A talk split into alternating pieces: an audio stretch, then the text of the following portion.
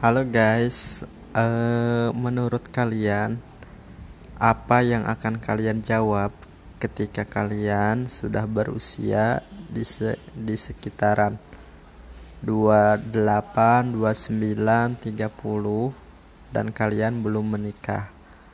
Nah, ketika keluarga menanyakan hal tersebut, apa yang akan menjadi jawaban kalian? Oke, silahkan dijawab ya. Terima kasih.